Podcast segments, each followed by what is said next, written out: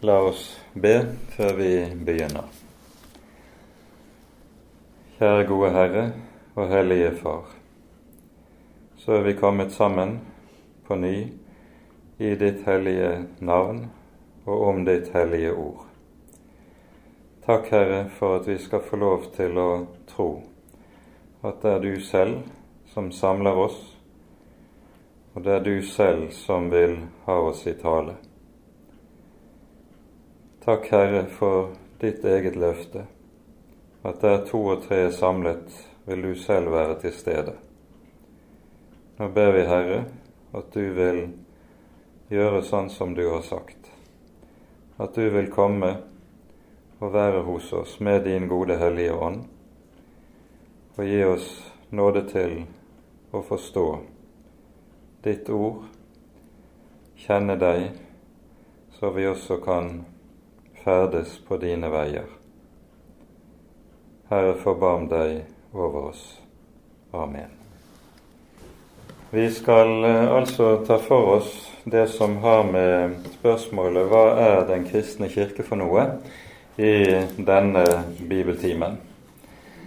Og eh, med dette så støter vi på noe av det som Luther stadig ble konfrontert med under reformasjonen. For når han holder frem det evangelium som han har fått lys over, og det som Den hellige skrift sier om en rekke ulike spørsmål, enten det nå er nadværen eller dåpen, enten det nå er frelsen eller troen, så ble han stadig møtt med innvendingen ja, men Kirken sier. Kirkemøtene sier. Og så kommer der eh, innvendinger med henvisning til hva paven har sagt og vedtatt, eller hva ulike konsiler har sagt og vedtatt. Og så innrømmer Luther ved flere anledninger at det er få ting som har voldt han så tunge anfektelser som nettopp dette. Det at eh, han stadig får høre Har du alene rett? Når hele Kirken, kirkefedre og kirkemøter og til og med paven jo sier noe ganske annet.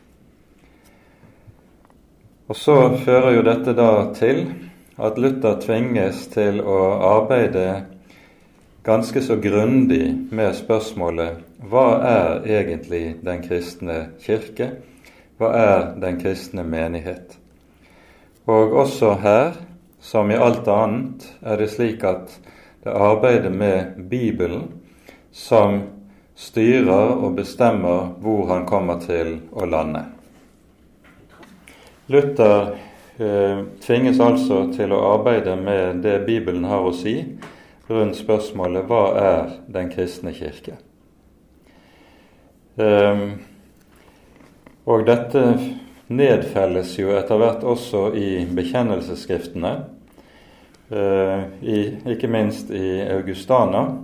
Der har vi tre eller fire artikler som alle på ulike måter behandler dette spørsmålet. Vi skal komme tilbake til det.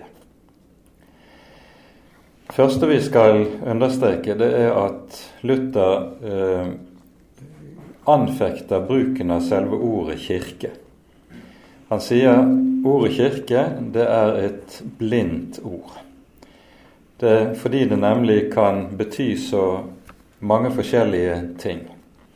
Når de fleste mennesker hører dette ordet, så tenker de gjerne på kirkebygningen, den hvite kirken som står ute på neset. Men det er slett ikke det som menes med kirke i Det nye testamentet. Det som er Det nye testamentets betydning av ordet, er det som sies i den tredje trosartikkelen, der vi jo bekjenner slik Vi tror på Den hellige ånd, en hellig allmenn kirke, de helliges samfunn. Og Luther understreker med stor styrke at ordene 'de helliges samfunn' er en presisering av og en nærmere definisjon av hva ordet kirke betyr.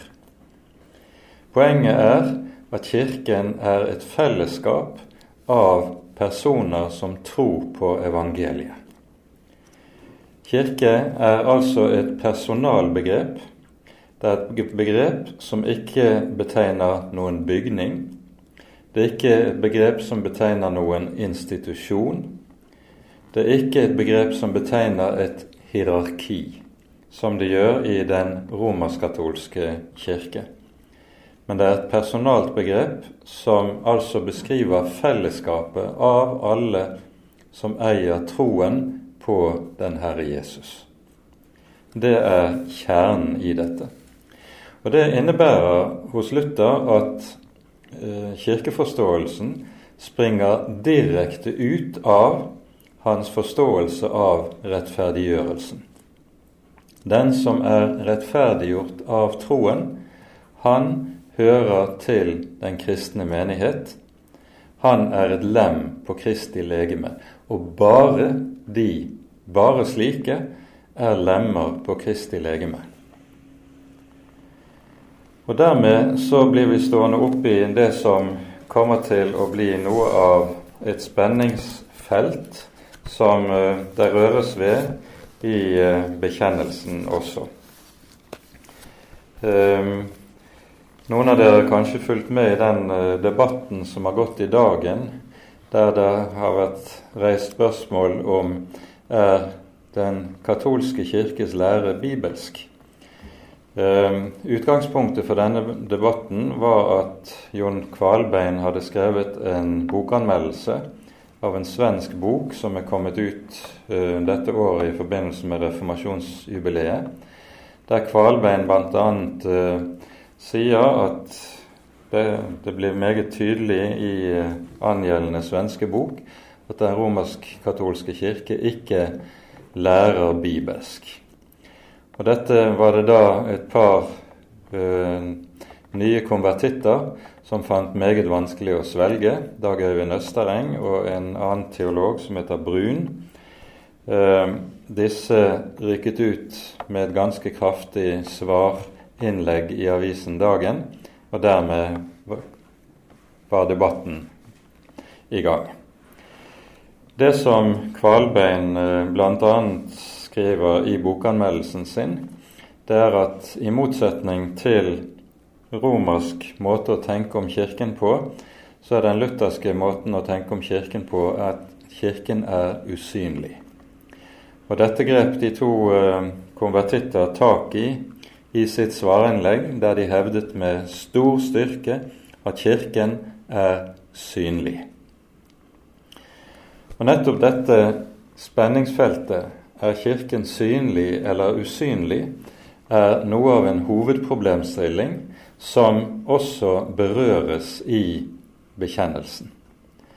Og Vi tar oss tid til å lese fra den augsburgske bekjennelsen, artikkel 7 og artikkel 8.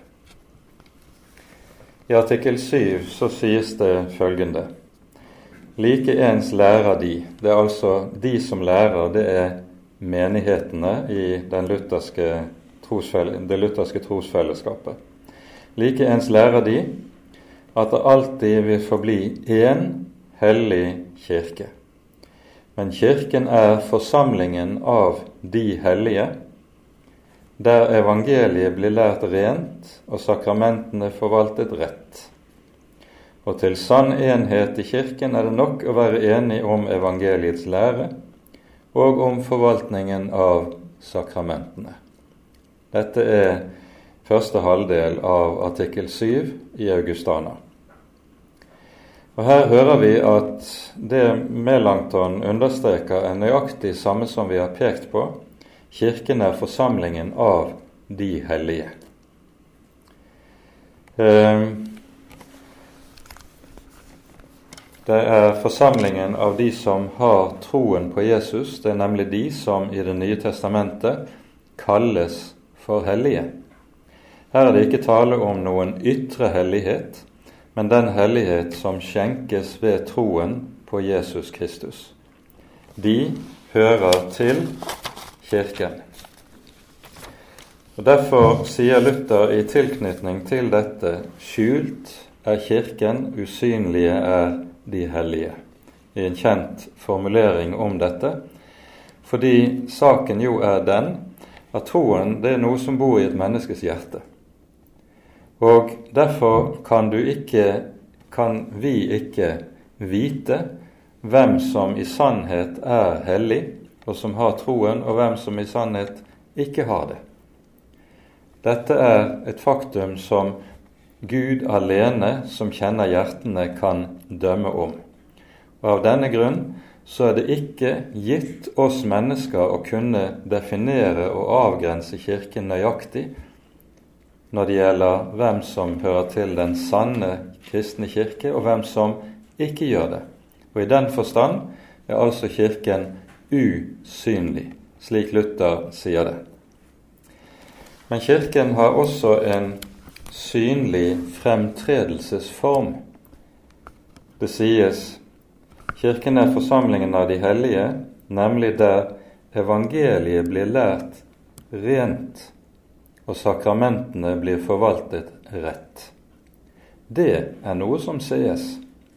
Du hører forkynnelsen av evangeliet, og du ser forvaltningen av sakramentene. Det sies.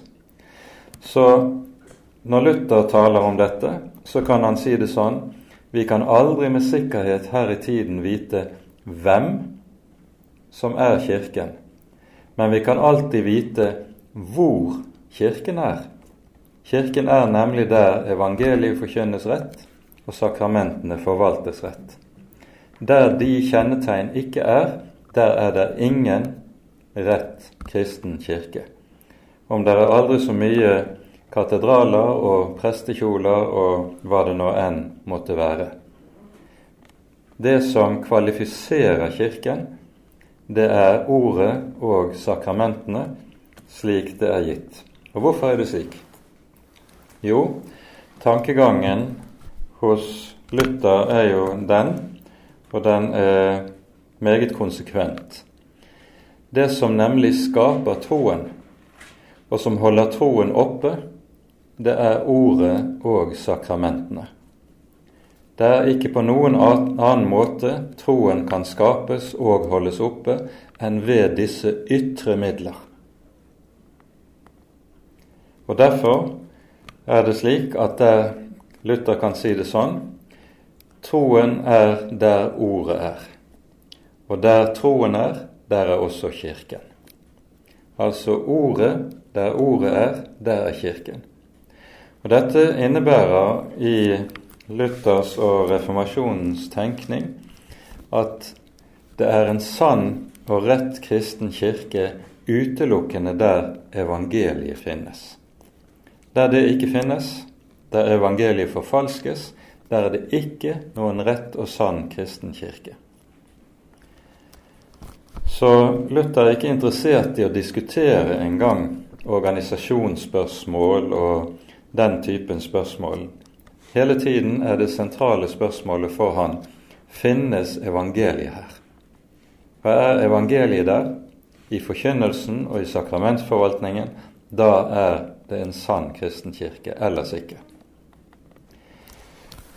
Så i det, den åttende artikkel i Augustana berøres spørsmålet hva da med den ytre organisasjon som vi kaller kirke. Her sies det følgende Selv om Kirken i egentlig mening er forsamlingen av de hellige og sant troende, er det likevel, ettersom mange hyklere og onde, onde er blandet inn i dette liv, tillatt å bruke sakramentene som, sakramenter som er forvaltet av onde, dvs. Si ikke-troende mennesker. Poenget er her den ytre kirkeorganisasjon vil med nødvendighet alltid bestå av en blanding av mennesker som er sant troende, og også noen som ikke er sant troende.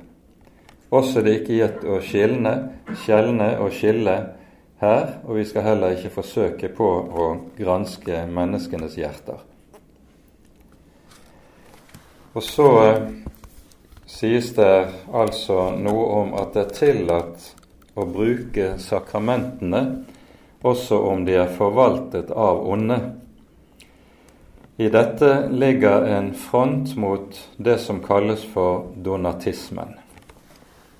Eh, og det var nødvendig at eh, de lutherske fedre eh, verget seg mot å bli kalt donatister. Det ser man av eh, det katolske svaret på den lutherske bekjennelsen.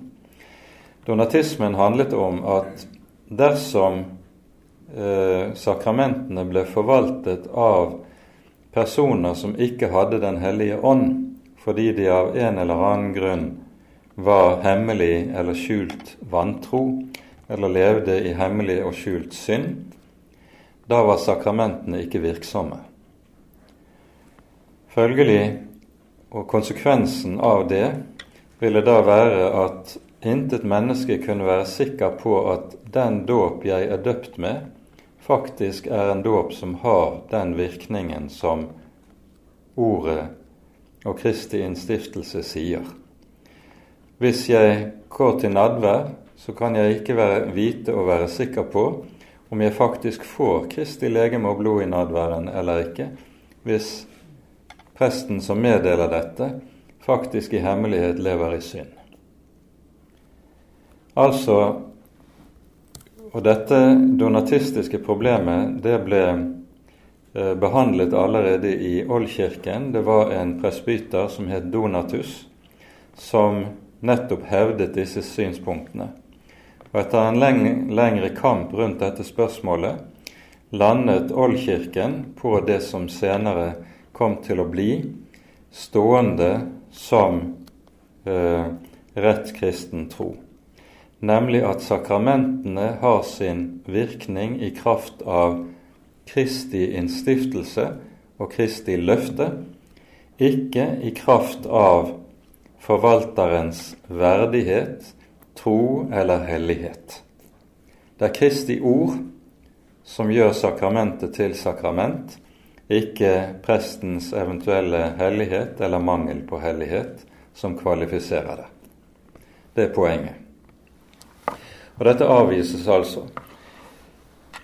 Så sier altså Augustana 8 at i den ytre kirke der vil det alltid være en blanding av sanne troende og slike som ikke er sanne troende.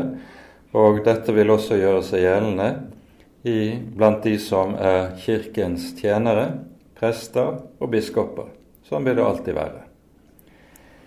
Um, så det tales altså og skjelnes mellom Kirken i dens ytre organisatoriske form, og det sies dette er ikke kirke i ordets egentlige betydning av ordet.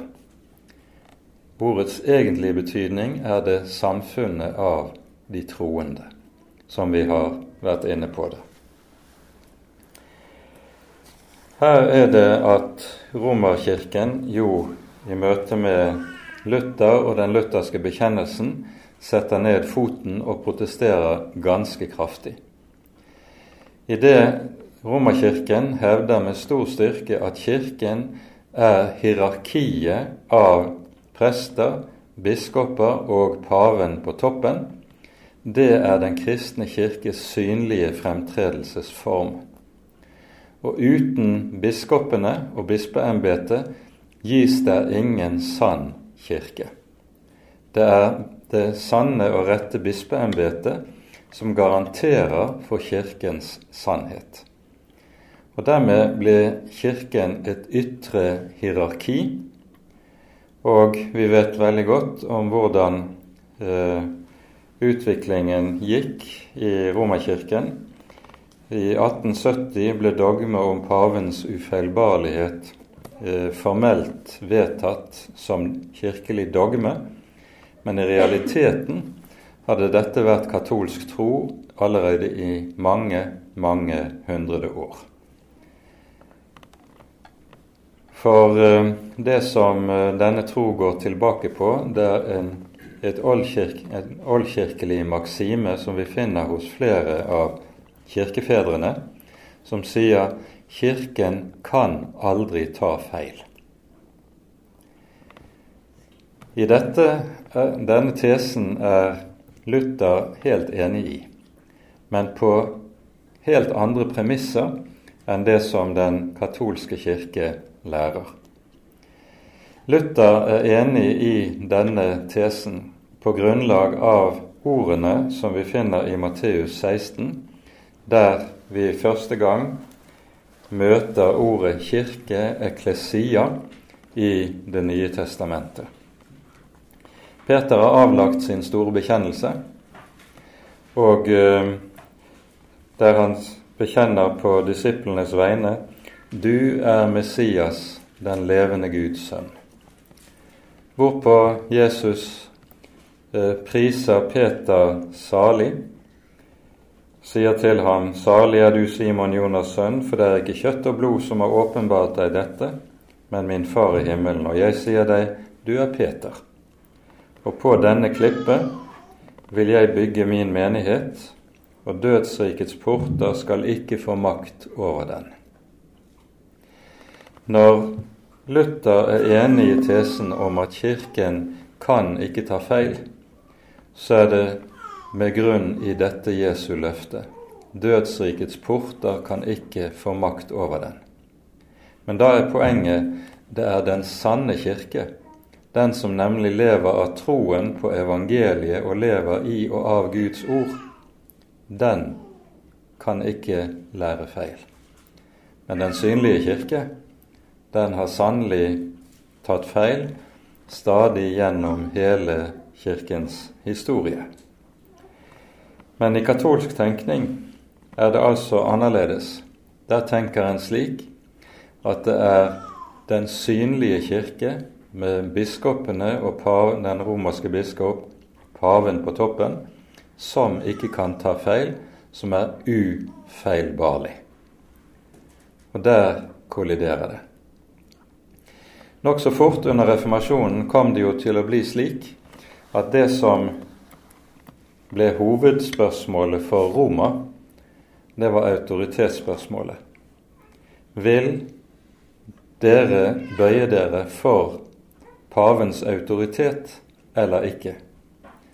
Mens den lutherske kirke svarte vi bøyer oss utelukkende for Bibelens autoritet. For det er vitterlig at både paven og kirkemøtene har tatt feil mange ganger.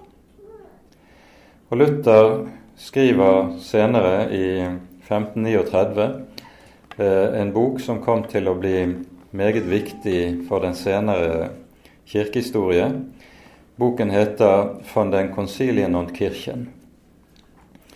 Og eh, Første delen av boken er en gjennomgang av vedtakene fra eh, de syv såkalte økumeniske konsiler i Oldkirken, der han viser hvorledes disse konsilene gjorde rette og gode vedtak når det handlet om læren om Kristi person. Vi har jo fra disse konsilene vedtaket som har gitt oss den nikenske trosbekjennelsen, f.eks. Men samtidig er det også slik at under disse konsilene så fattes det en mengde andre vedtak også, som Luther kan peke på er det rene tøv og nonsens en del av det og andre av vedtakene må kunne hevdes å være i strid med Den hellige skrift, og altså vranglære. Så i første delen av dette verket von den Concilien og Kirchen belegger Luther meget tydelig at Kirkens konsiler mange ganger har tatt feil. I siste delen av boken, som er meget, meget kortere, går han så igjennom det som er den sanne kirkes ytre og synlige kjennetegn. Mens vi i Augustana hører at det sies det er evangeliet rett forkynt og sakramentene rett forvaltet, altså ord og sakrament, som er kjennetegnene på den sanne kirke, så lister Luther her i von den Concilien und Kirchen opp flere kjennetegn, nemlig syv. Det første av disse syv er forkynnelsen av evangeliet. Der evangeliet er rett forkynt, der finner du en sann kristen kirke. Det andre kjennetegnet er den hellige dåp. Det tredje er den hellige nattvær. Den fjerde er nøklene. Nøklene, det er botssakramentet. Eh, den fullmakt som Jesus gir sine disipler og som vi leser om i Johannes eh, evangeliet kapittel 20 etter oppstandelsen, der Jesus sier til disiplene dersom dere tilgir noen deres misgjerning, da skal det være dem tilgitt, nemlig i himmelen. Og dersom dere fastholder noen deres misgjerning, da skal det være fastholdt. Og da er det altså tale om kirketukten. Det er det som kalles for nøklemakten. Det femte kjennetegnet som Luther så lister opp, det er embetet. Det at det skal være en ordnet tjeneste med ord og sakrament i menighetene, det er noe som understrekes også i den augsburgske bekjennelsen i eh, artikkel 5. Der er det jo sånn at eh, først har du artikkel 4, som taler om hva rettferdiggjørelsen av tro dreier seg om. Artikkel 4 i Augustana er på en måte fundamentalartikkelen som alt annet stråler ut ifra. Og så kommer i artikkel 5 følgende For at vi skal komme til denne tro, er det innstiftet en tjeneste med å forkynne Guds ord og forvalte sakramentene for ved ordet og sakramentene som midler blir Den hellige ånd gitt. Det er altså innstiftet en tjeneste med å forkynne ordet og forvalte sakramentene. Det er det vi kaller for presteembetet, eller prestetjenesten, i den lutherske kirke. Og Luther sier altså her i eh, eh von den Konsilien og Kirken at dette er et femte kjennetegn på den rette og sanne kirke. Det sjette kjennetegnet er bønnen, skriver Luther videre. Og Når han taler om bønnen, så mener han i denne sammenheng den offentlige gudstjeneste med dens ordnede liturgi. Han tenker altså ikke primært på det at troende mennesker ber. Bønnen er jo en organisk del av det kristne livet. Men her tenkes det på den offentlige bønn som skjer i når Kirken offentlig samles om ord og sakrament, og der bes, takkes, synges lovsanger og bekjennes i menighetens gudstjeneste. Og så kommer det siste og syvende kjennetegnet, som er korset. Overalt der evangeliet er sant og rett forkynt, der vil også korset være, nemlig forfølgelse, motstand og lidelse for Kristi skyld. Det er et kjennetegn på den falske kirke, skriver Luther også i denne sammenheng, at den skyr korset, forakten for Jesus skyld. Den falske kirke, den frykter korsets anstøt sies det. Disse syv kjennetegnene er altså det som hos, i, med Luthers penn gjøres til helt sentrale. Dette innebærer jo også at vi får en kirkeforståelse som er vesensforskjellig fra det som du finner i romersk tenkning, men også vesensforskjellig fra den som man finner i svermerbevegelsen under reformasjonen. Svermerbevegelsen den har vi vært innom flere ganger tidligere i disse timene vi har hatt i høst. Den vokser jo frem, særlig fra 15-21-22 av og utover, inntil den så å si går ut i slår ut i en blomstring som er helt katastrofal i bondeopprøret i 1525. Eh, Svermerne var kjennetegnet av at de mente at mennesker mottar Den hellige ånd uten og uavhengig av ytre nådemidler. Altså uten det ytre forkynte Guds ord, uten sakramentene, kan mennesket motta Den hellige ånd direkte. Og uten disse ytre midler kan også mennesker høre Guds røst tale i sitt hjertes indre direkte, og slik direkte ha tilgang til Gud og Hans tale. Og Dermed så får du en slags fortsatt åpenbaring der mennesker mener seg, når de har hørt Guds røst i sitt eget hjerte, å kunne parkere ulike deler av det som står skrevet i Den hellige Skrift. I svermerbevegelsen er det slik at kirkeforståelsen blir eh, også noe som henger sammen med det synlige. Og da er det medlemmenes hellighet og ytre åndsbesettelse, eller påtagelige åndsbesittelse, eh, som er kjennetegnet på den sanne kirke.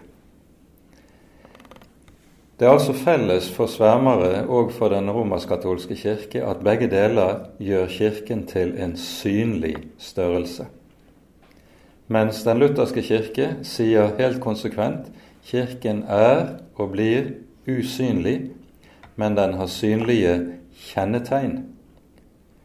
Og Derfor er Kirken forankret i noe som er objektivt gitt, nemlig ord og sakrament, ikke noe som er subjektivt i medlemmenes hellighet eller følelse av åndsfylde, eller hva det nå måtte være.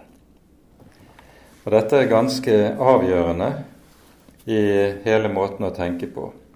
Det svermeriske kirkebegrepet det finner vi også senere i, eh, det er ganske typisk, f.eks. i bevegelser som i pinsebevegelsen. Det er meget typisk. Du finner det i deler av pietismen. Eh, ikke alle deler av pietismen, men i deler av pietismen. Og Felles for dette er at en vil gjøre den kristne menighet uavhengig av de ytre kjennetegn, ordet og sakramentene. Saken er den det er kun der ordet og sakramentene finnes, at du har en sann kristen kirke.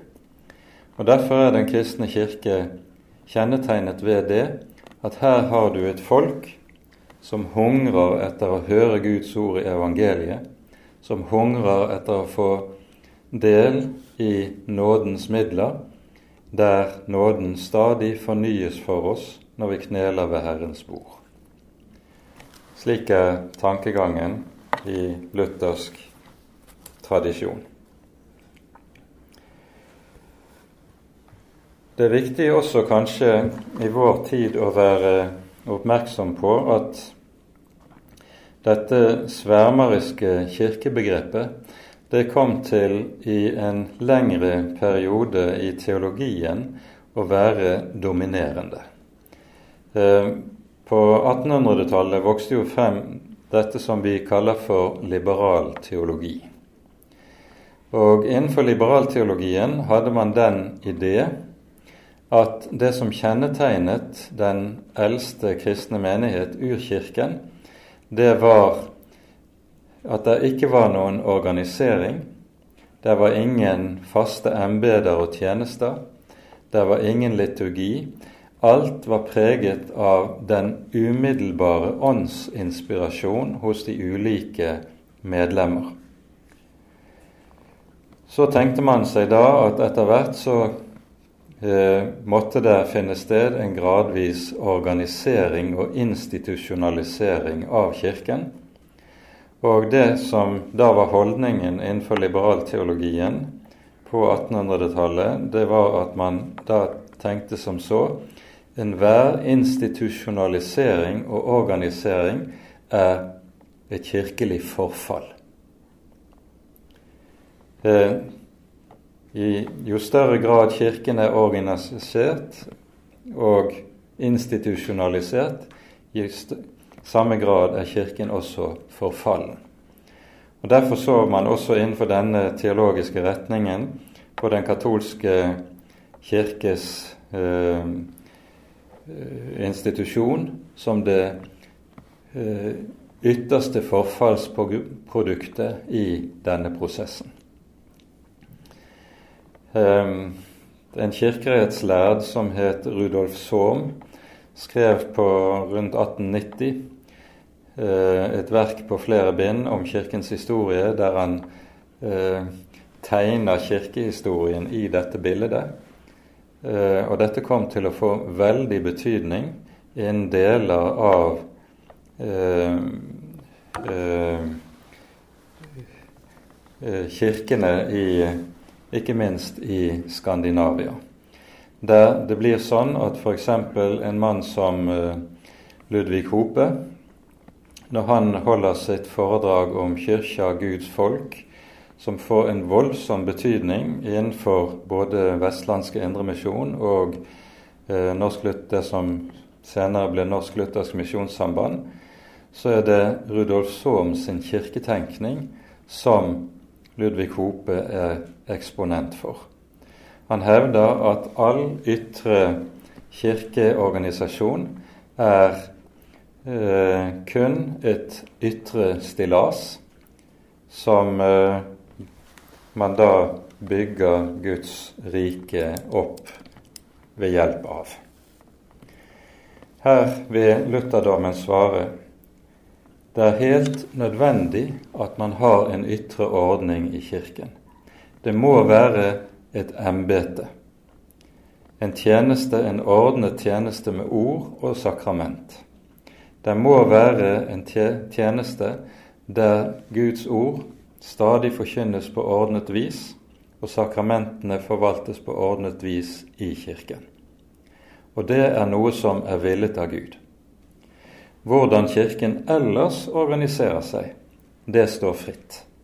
Det er ikke nødvendig å eh, lovfeste noen bestemt kirkeordning, eh, eksempelvis.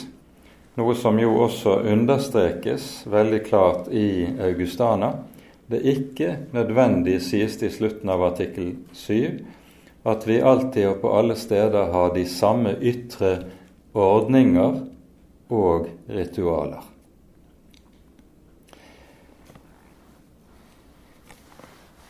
Her har vi nettopp dette poenget at i lutherdommen har du så å si denne spenningen mellom at Kirken på den ene side er usynlig, men samtidig likevel trer frem synlig, der ordet og sakramentene er til stede, forkynnes og forvaltes rett.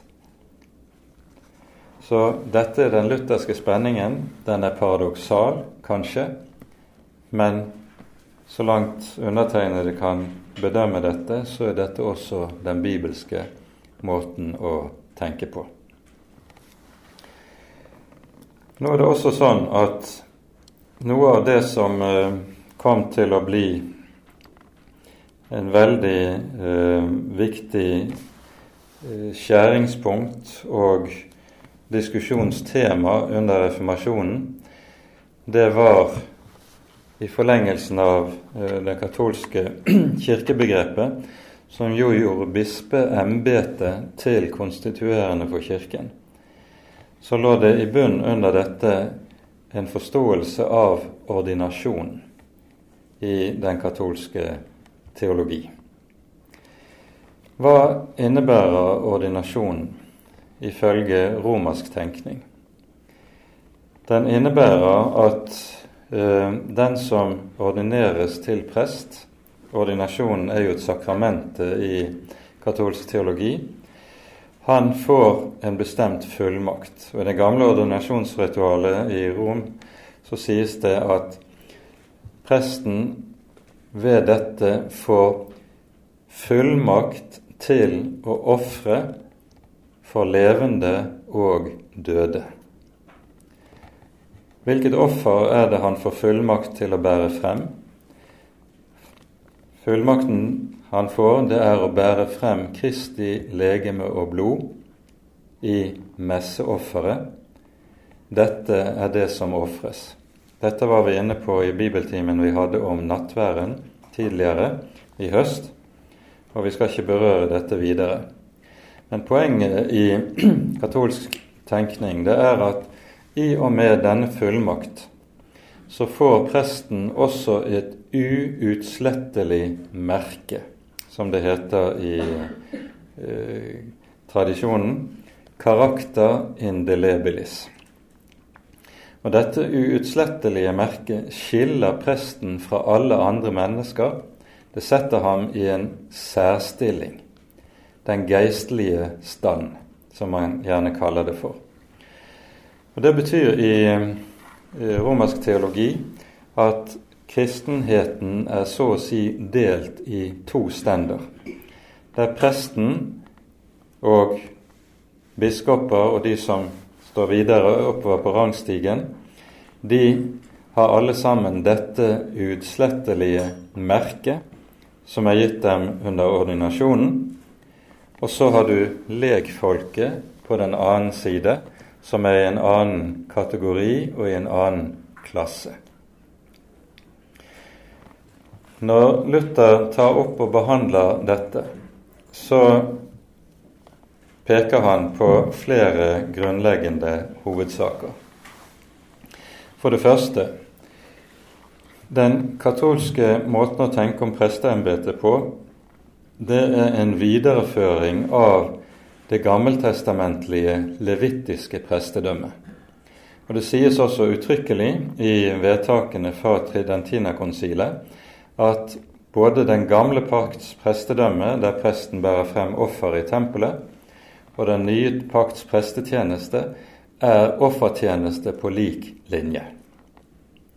Altså presten ordineres til å være offerprest i tråd med det gammeltestamentlige prestedømmet. I luthersk tenkning så er presten ikke offerprest. Han er en tjener med Guds ord. Og i både i flere europeiske språk kommer dette til uttrykk på den måten at eh, det er forskjellige ord, begreper som anvendes for den katolske prest og den som er luthersk eller protestantisk prest. På norsk har vi ikke ulike begreper for dette. I England f.eks. så kalles presten, den katolske presten han kalles for priest. Eh, mens en protestantisk prest han eh, kalles med andre begreper. Eh, minister er et vanlig begrep. Han er en tjener. Han er en tjener nemlig med Guds ord. Det er tankegangen. Du har også noe lignende i, på, på, tysk, der den protestantiske prest vil hete pfarrer, mens den katolske heter priester. Det er ulike begreper fordi det er så fundamentalt ulik teologi som ligger i bunn. Det at man da inndeler så å si kristenheten i to ulike åndelige klasser, de som hører til på den ene siden den geistlige stand, og de som hører til på den andre siden lekfolket, det er noe som Luther avviser meget radikalt. Han sier noe sånn gis det ikke grunnlag for i Det nye testamentet. Og så henter Luther frem ganske særlig fra 1. Peters brev, læren om de, de troendes prestedømme. Og vi tar oss tid til å lese fra 2. Peter, unnskyld, 1. Peters brev, kapittel 2.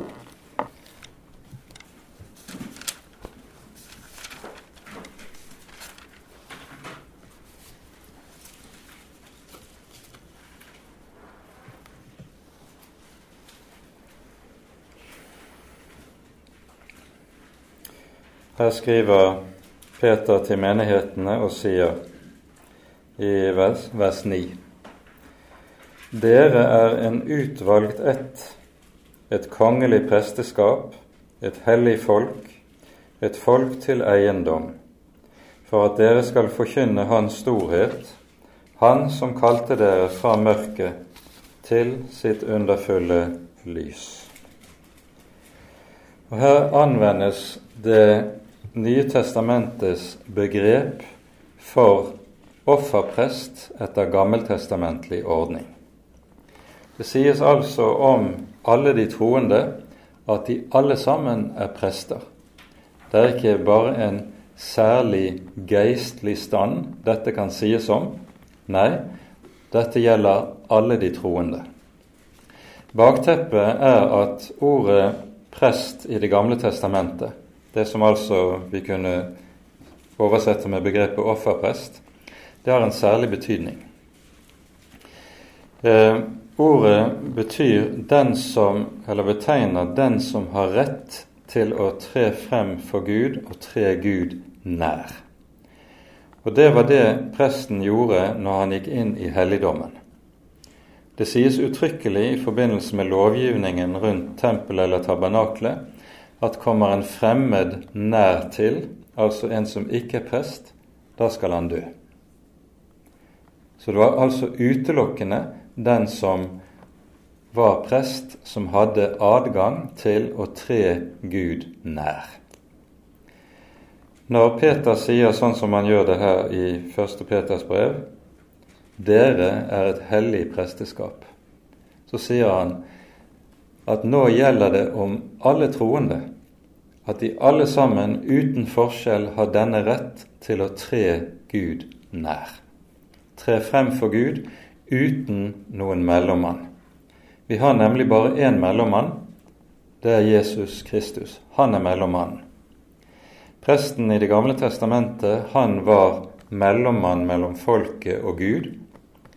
Nå, med den nye pakt, trenger vi ingen mellommann uten Han som Gud har gitt oss, nemlig Jesus Kristus.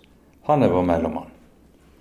Og Derfor har vi alle sammen adgang til Gud i Jesu navn.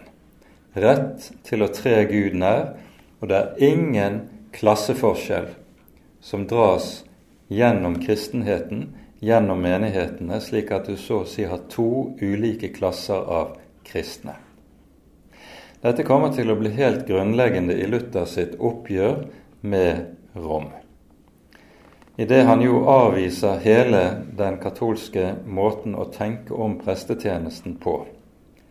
Fordi presten er ikke offerprest.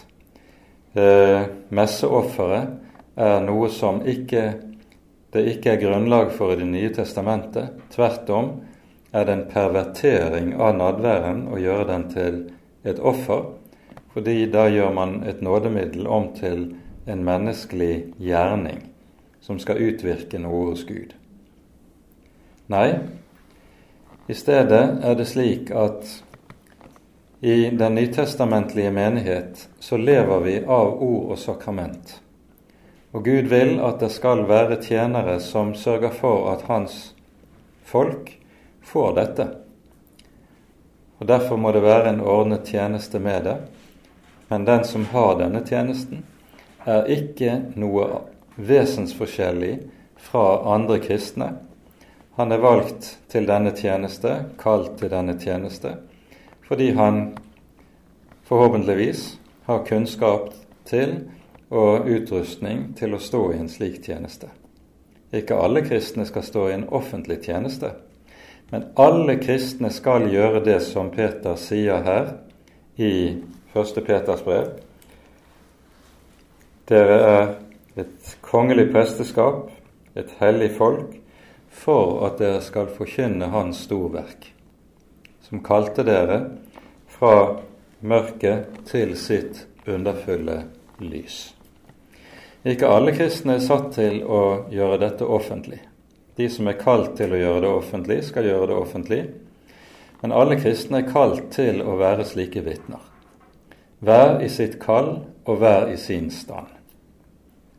Og Dette hører med som en grunnleggende side ved det å være et Guds barn. Luther kan formulere seg slik når det gjelder dette. I ut av dåpen er det det nytestamentlige presteskap kryper. Når du er døpt til Jesu navn, så har du da også del i det kongelige presteskap, som Peter taler om i denne sammenheng. Prester ofrer. Det er det vi hører i Det gamle testamentet. Hva er det de kristne skal ofre? Det nye testamentet taler om to slags offer, to grunnleggende offertyper. Du har for det første den typen av offer som innebærer å sone for synd. Det finner vi tallrike forbilder på i Det gamle testamentets offertjeneste. Slike offer skal de troende ikke bære frem, for det ble båret frem av Jesus da han døde på korset. Han døde én gang for alle til soning for synd.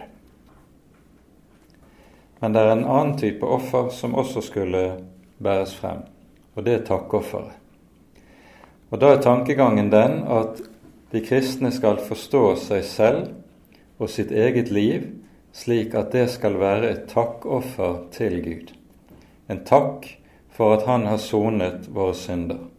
En takk for at Han har gitt oss sin nådes rikdom. En takk for at Han er vår Far, som har tatt oss under sine vinger, bærer oss i sin omsorg og har gitt oss et håp i det fullkomne Guds rike. Hele den troendes liv skal være å forstå som et slikt takkoffer til Gud. I tillegg til at bønnen, lovsangen og bekjennelsen i den kristne menighets gudstjeneste også er å forstå som et slikt takkoffer som det kongelige presteskap stadig bærer frem for Gud. Det er altså en hel måte, annen måte å tenke om dette på som gjør den kristne menighet til noe ganske annet i eh, slik som reformasjonen tenker, enn det som du finner i katolsk tradisjon.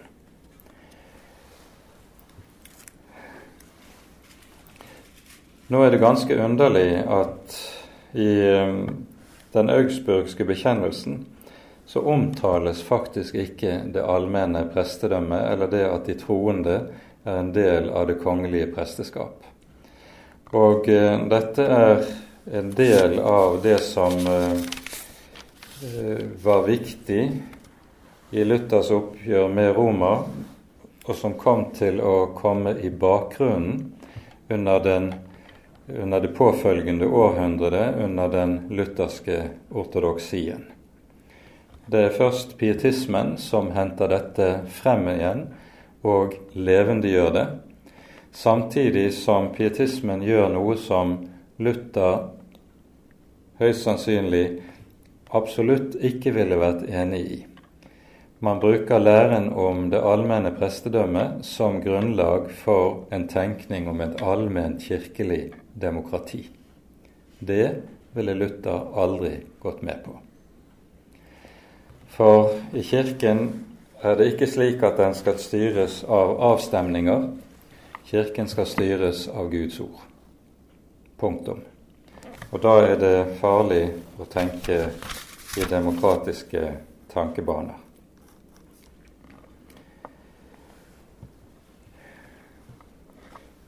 Hvis vi skal sammenfatte en del av det vi har vært sammen om, så er det altså slik at når Luther i 1537 skriver de smalkaldiske artiklene, så skriver han der om Kirken følgende Et barn på syv år vet hva Den kristne kirke er. Det er de får som hører hyrdens røst. Og Med det viser Luther til Johannesevangeliets tiende kapittel, der Jesus sier 'Mine får hører min røst', og jeg kjenner dem, og de følger meg, og ingen kan rive dem ut av min hånd. Det er løftet. Og så sier Luther dette er den kristne kirke. Det er de får som hører hyrdens røst. Det er de som har fått øre til å høre evangeliet, og som samles der evangeliet lyder. De er og blir den kristne kirke. For Kirken lever av evangeliet, og den står og faller med ordet og evangeliet rett forkynt. Til slutt skal vi kanskje også si ganske kort at når reformasjonen bryter ut, så var det som vi kjenner som vår virkelighet, nemlig de mange kirkesamfunn, noe som var en totalt ukjent sak. Det var bare én kirke, og det var den romersk-katolske kirke. Og Luther og, hans, og, og reformasjonsfedrene sammen med ham de ønsket ikke på noe vis å etablere eller stifte noen ny kirke. Det de ønsket, var en kirkens reformasjon, der det som var i strid med Guds ord, ble ryddet ut. Når det likevel ble en luthersk kirke, så var det jo fordi ikke bare personen Luther ble kastet ut og lyst i bann, men også hele den lutherske tro og evangelieforkynnelse ble uttrykkelig lyst i bann. Sånn at når motreformasjonen trer frem med Tridentina-konsiliet, som kommer sammen over tre sesjoner fra 1545 av og ut til 1563, så blir den romersk-katolske kirke en bekjennelseskirke. Der den avlegger en bekjennelse som er radikalt i strid med den tro og evangelieforståelse som kommer til uttrykk i den augsburgske bekjennelsen f.eks., og uttrykkelig forbanner denne. Det Vedtakene fra Tridentina-konsilet er formulert på en sånn måte at det står stadig 'hvis noen sier sånn og sånn'. Og så siteres det fra de lutherske skriftene. Hvis noen sier sånn og sånn, da forbannet være han. Og om igjen og om igjen lyder dette. Forbannet være han.